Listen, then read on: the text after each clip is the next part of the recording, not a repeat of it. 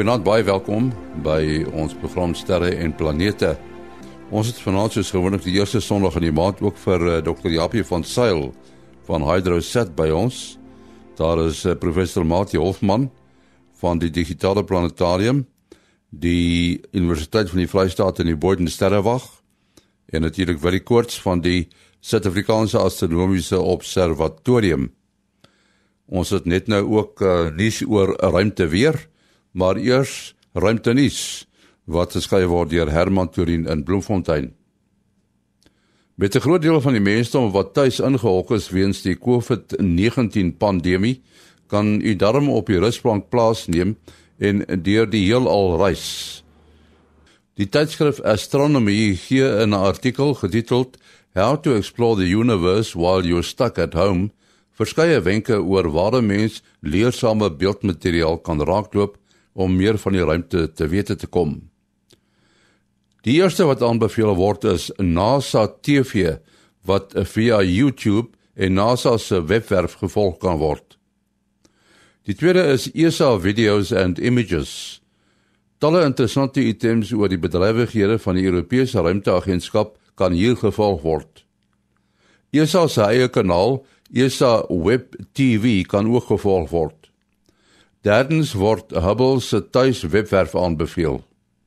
Nou om die spesifieke besonderhede te kry oor waar u moet gaan om in te skakel, soek die volgende webwerf op: https://astronomy.com/news.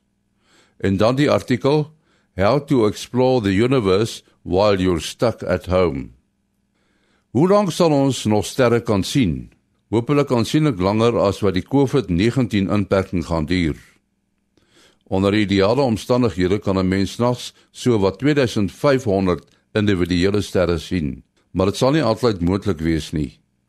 Aan die einde van die Stelliferus era, die era waarin ons nou leef en wat van so wat 'n miljoen jaar na die oerknal strek tot die heelal so wat 1 triljoen jaar oud is, sal daar nog min flikkerende sterre aan die hemeltrans wees. Die era hierna staan as die degeneratiewe era bekend en sal so tussen 10 tot die mag 15 en 10 tot die mag 39 jaar na die oerknal duur. In hierdie era sal gravitasiekolke, wit dwerge, bruin dwerge en neutronsterre oorheers. Dit is uiters onwaarskynlik dat lewe nog tydens die degeneratiewe era sal kan bestaan. Die goeie nuus is dat as 'n skoolkind nie sy huiswerk teen die einde van die degeneratiewe era voltooi kon kry nie, hy hom nie daaroor hoef te verknies nie. Tot sover dan ruimte nuus wat uh, geskryf word deur Herman Turin in Bloemfontein. Nou ruimte weer. Hier is Kobus Olkers in Florida, Amerika. Goeienaand en goeienaand luisteraars. Ja, hier is ons alweer 'n nuwe week met diep in die son minimum. Ons het daar 'n ligpuntjie uh op die uh, kant van die son wat nou begin inroteer en daar's 'n nuwe siklus sonvlekkie uh wat nou op opgekom het. Uh ons sê nou sonvlekkie, maar hy is eintlik in in terme van ons van ons aardse dimensies is hy van verskriklik groot. Hy sê seker ten minste 15 aard diameters groot. Uh, maar vir die son is dit nog 'n kleintjie.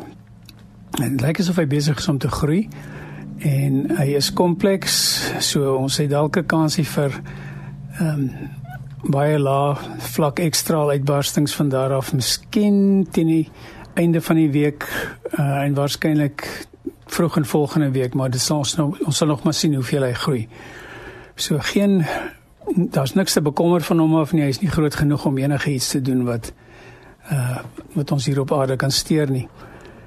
En dan is daar natuurlik 'n uh, koronagat wat nou oopgegaan het so 3 4 dae gelede. Ehm um, hy is amper by die ewenaar van die son. Hy's baie geo-effektief reeds op die oomblik uit uit 'n uh, Saterdagoggend reeds begin geo-effektief raak en hy gaan nog met ons wees waarskynlik tot Vrydag toe. En die sonwindspoed wat nou bietjie vinniger by hom uitgaan gaan natuurlik nou vir ons 'n bietjie mooi auroras gee vir ons mense daar ver in die noorde en die suide. En uh, ons radioamateurs gaan dit ook weet.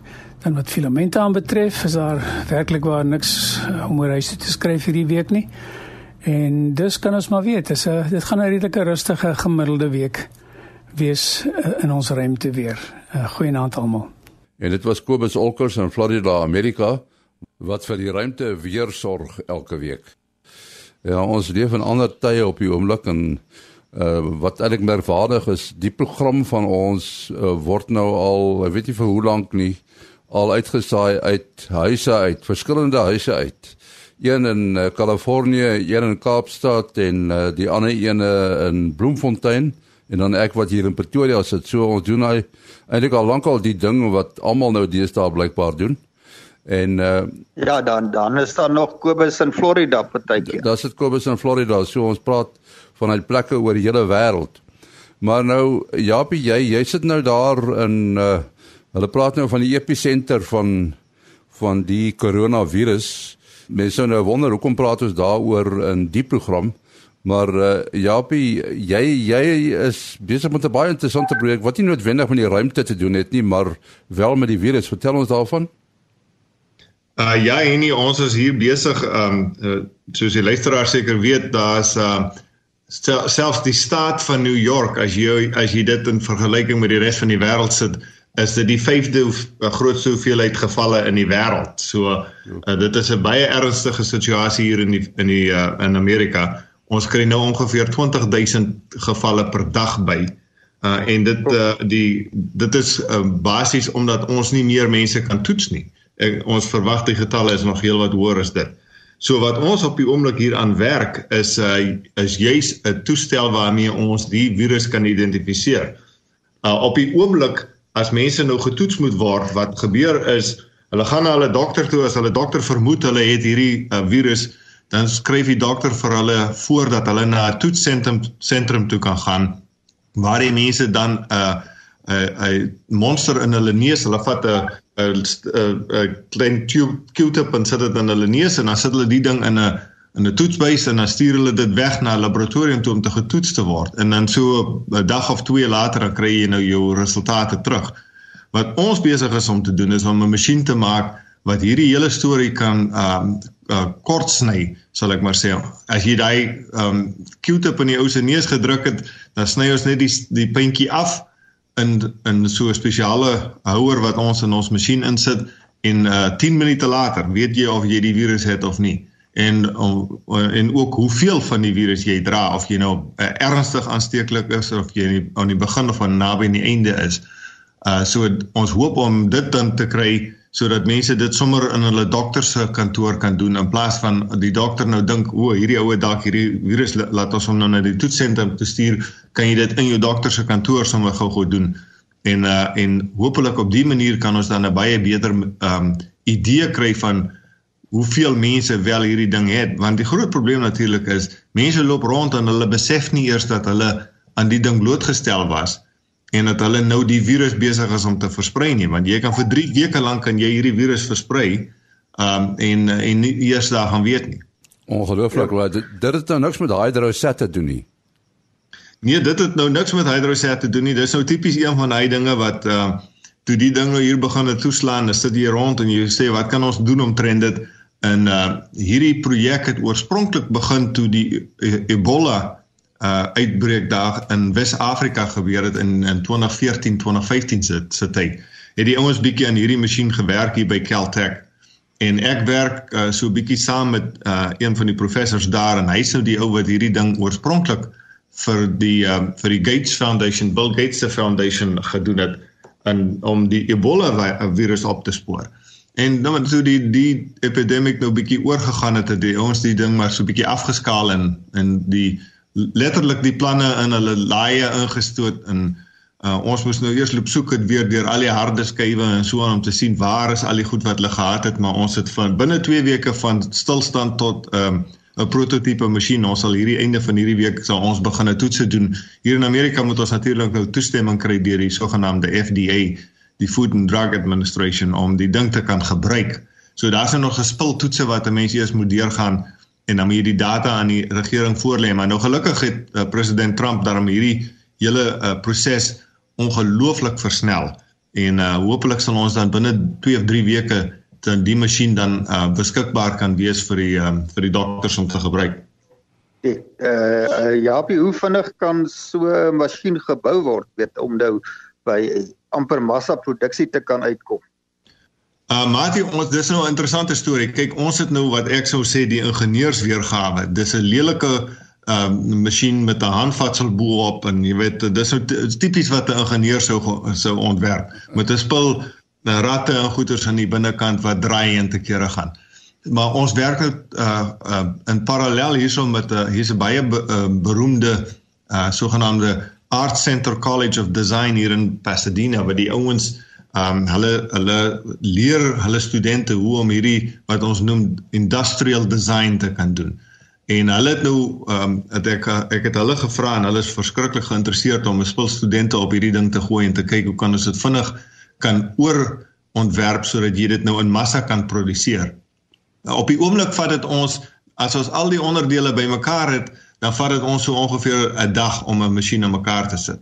Uh ons kan gaan later 'n bietjie van 'n uh soos hulle sê 'n assembly line hier in die gang sit en kyk of ons dit nou vinniger kan doen maar natuurlik is dit bietjie moeilik as jy nou nie mense mag bymekaar kry en so aan nie. Ons seker nou 6 voet uit mekaar uit staan as ons die ding wil doen en so aan. Maar uh ons ons hoop om om 'n paar honderd van die goeders in die in die uh, dokter se hande te hê hier by die einde van uh voor die einde van Mei. En dan dan hoop ons om in Junie die die die massaproduksie te kan begin. Ja, ek neem aan julle het nou hierdie hele storie gedoen sonder om een mens bymekaar te wees. Alles alles alles op af of af op op afstand beheer neem ek aan. En dan die ander vraag is daar enige eksotiese komponente in hom wat moeilik gaan wees om om om te massa produseer? Uh nie op die oomblik nie. Ehm um, uh die die ons het almal was natuurlik almal nou by ons huise want ons is ook maar hier so 'n bietjie soort van onder lockdown hier in Kalifornië. Ehm um, so wat ons gedoen het is dis ongelooflik. Daar's baie plekke op uh, op die uh, internet waar jy kan kontak en jy stuur vir hulle die die die ehm um, uh, ingenieurs tekeninge en hulle uh, stuur vir jou die die onderdeel die volgende dag terug wat hulle dan gemasjineer het en so aan um, hier in Amerika. So ehm um, en natuurlik baie plekke in China en ander ander plekke waar jy dit goed kan van bestel. Op die oomblik gebruik ons Amerika omdat dit die vinnigste is jy kan uh, ons letterlik gee vir hulle die die tekening vandag en môreoggend dat ons die uh, het ons die onderdeel afgelewer by een een of ander ou se woonstel of by sy huis waar hy nou die die stuk van die masjien in mekaar moet sit. Ehm um, hmm. daar is daar is nie eintlik eksotiese komponente in nie. Uh en wat interessant is, hierdie is 'n uh, heeltemal wat hulle noem die die goue standaard, is 'n sogenaamde PCR is die ding se naam. Dis 'n toets wat mense uh, oral in die wêreld gebruik in laboratoriums om 'n spesifieke deel um, van DNA in hierdie geval is dit RNA op te spoor. So ons ons weet uh, die toets is spesifiek vir hierdie virus. Dit is nie sommer enige virus nie. Jy kan verskillende virusse natuurlik opspoor as jy nou die sogenaamde primers het. Uh en uh, in in hierdie geval soek ons nou spesifiek vir die corona uh virus En uh en dit is presies dieselfde toets as wat ander ouens oralster in hierdie groot laboratoriums doen. Behalwe dat hierdie ou uh by Caltech het nou uitgewerk, uh, hoe kan jy nou die die toets baie baie vinniger doen as wat ander mense dit doen? Ja, dis interessant. Uh so 'n bietjie weg van die gogga af en uh, ek weet Japie jy het baie uh, ervaring van sogenaamde aardwaarneming uh toe jy nou nog by uh by JPL gewerk het. Dis nou interessant daar is inligting dat daar 'n vreemde uh, uh, piek in uh, metaanuitbarstings is wat wat vasgestel is. Uh, het jy daarvan gehoor? En ek het daarvan gehoor en natuurlik is daar nou baie teorieë wat aan die gang is. Ehm um, die die ehm um, sal ek maar sê die die voorste ehm um, verdagte in hierdie geval is natuurlik die sogenaamde fracking wat die ouens doen. Ehm um, wat hulle aanneem dat dit is dit is wat die metaan hier uit die uit die ehm um, aardkors uit laat ontsnap. Ehm um, ek dink is 'n bietjie vroeg om dit te sê, maar die, soos ek sê, uh, daar's natuurlik heelwat ehm um, verskillende teorieë wat dit nou kan gedoen het.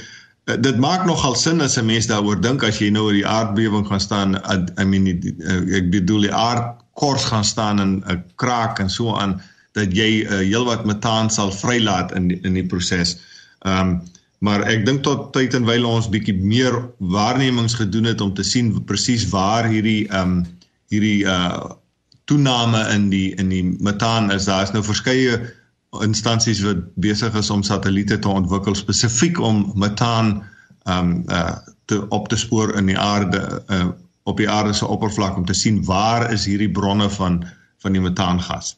Uh daar is nou korttermyn pieke wat nou hulle nou ook opgetel het. Ek weet nou dis nou nie net uit die ruimte uit nie, maar 'n uh, groot aantal waarnemings dit binne die uh, weet laer af in die aarde se atmosfeer en vanaf die oppervlak dat die uh 'n vergelyking met die vroeër geskiedenis het die uh hoeveelheid metaan in die atmosfeer aansienlik gestyg die laaste 250 jaar. So dit is nou 'n terme van die die geskiedenis van die aarde is dit 'n piek maar in terme van ons leeftyd is dit nou 'n geleidelike uh verandering.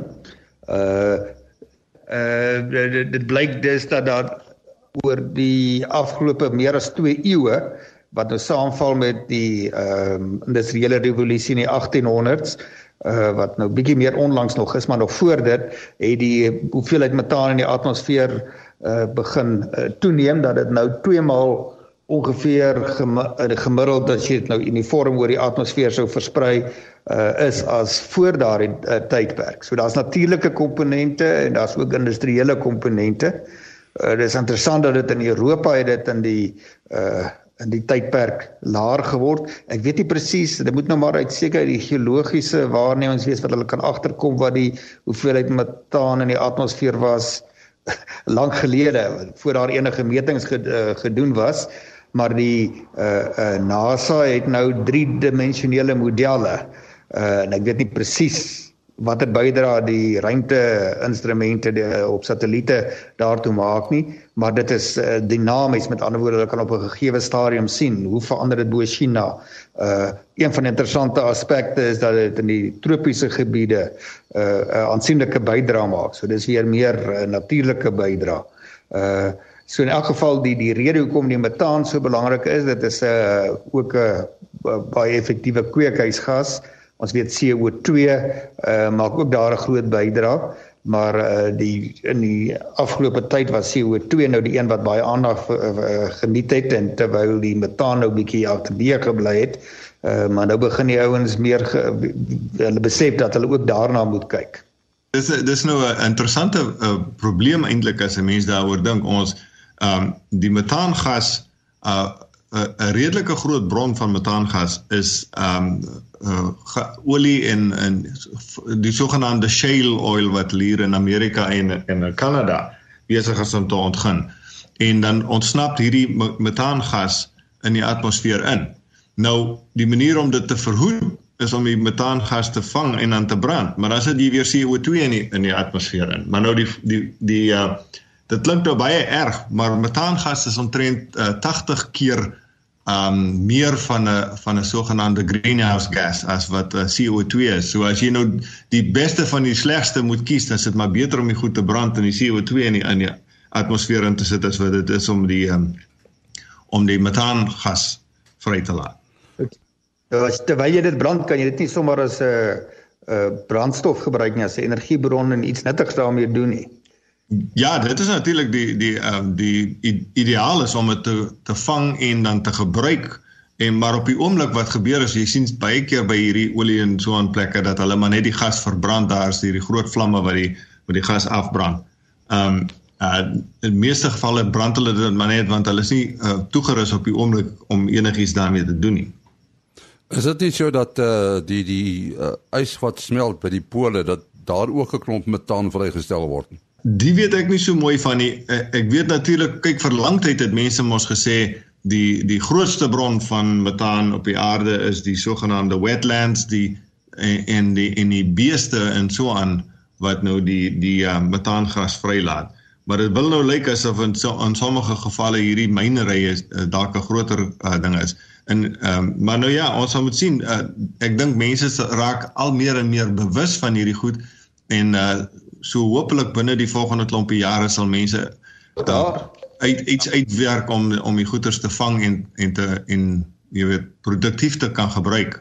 Ja, ek het ek het verstaan dat nou met die eh, lockdowns wat wyd uh wyd voorkom in ont, ontwikkelde lande dat hulle uit die ruimte uit kon waarneem dat die hoeveelheid metaan afgeneem het terwyl die aantal uh, beeste byvoorbeeld die konstant gebly het wat mens nou die idee gee dat uh die landbou dalk nie die groot grootste probleme is nie maar die die ander natuurlike bydraes en die uh, industriële bydraes uh dalk 'n groter faktor is. Nou ons het in die program al baie oor Ion motors gepraat en nou het NASA 'n uh, sogenaamde DART sending wat gebruik gaan word om 'n uh, asteroïde se rigting te laat verander.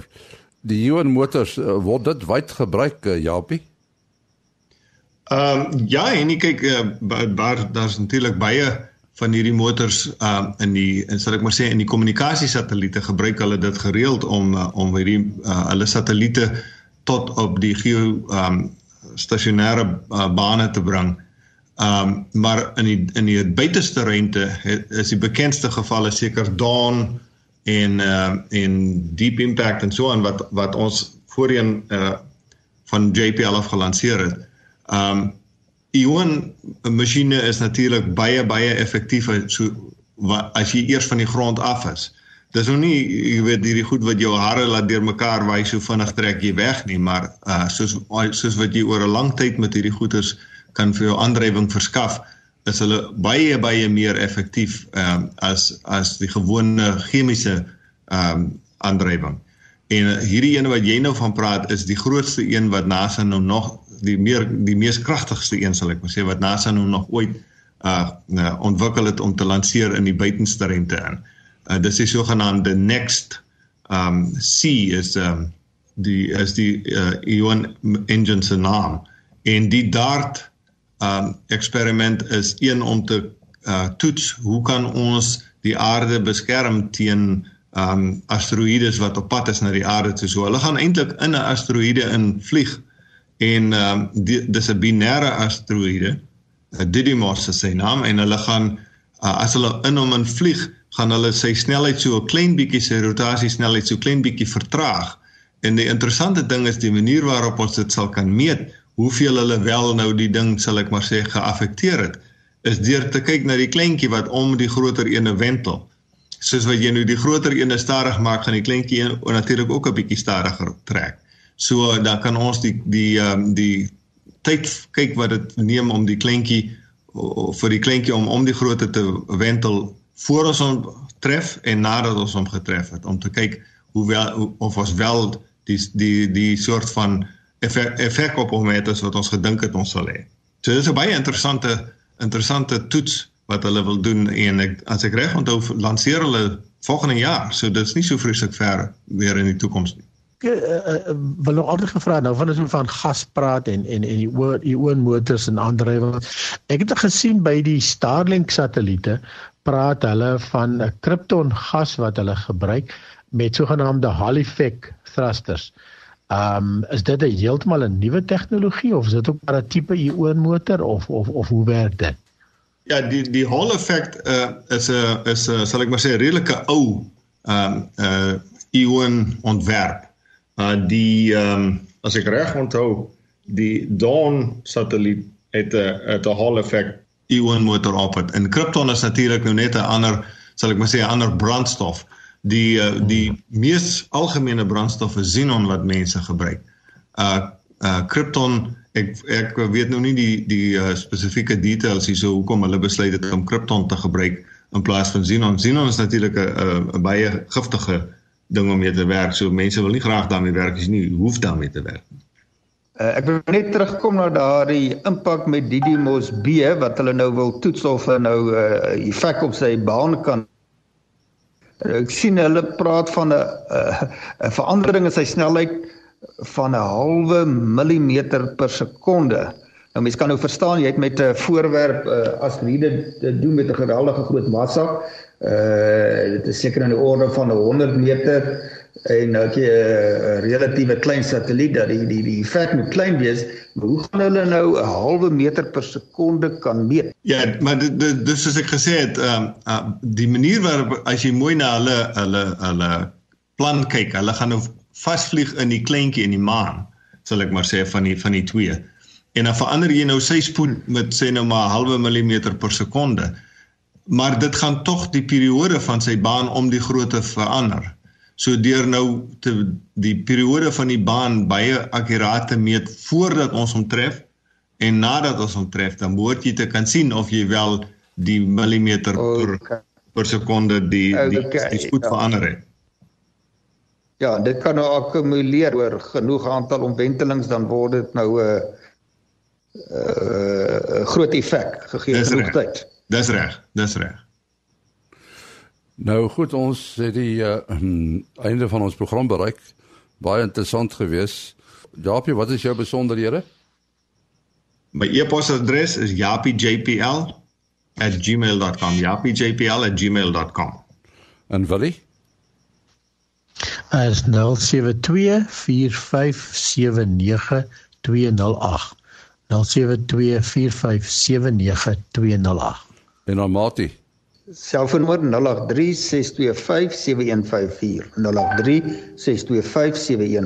0836257154 En my e-posadres is gewoonlik maas.henny@gmail.com maas.henny@gmail.com Tot volgende week.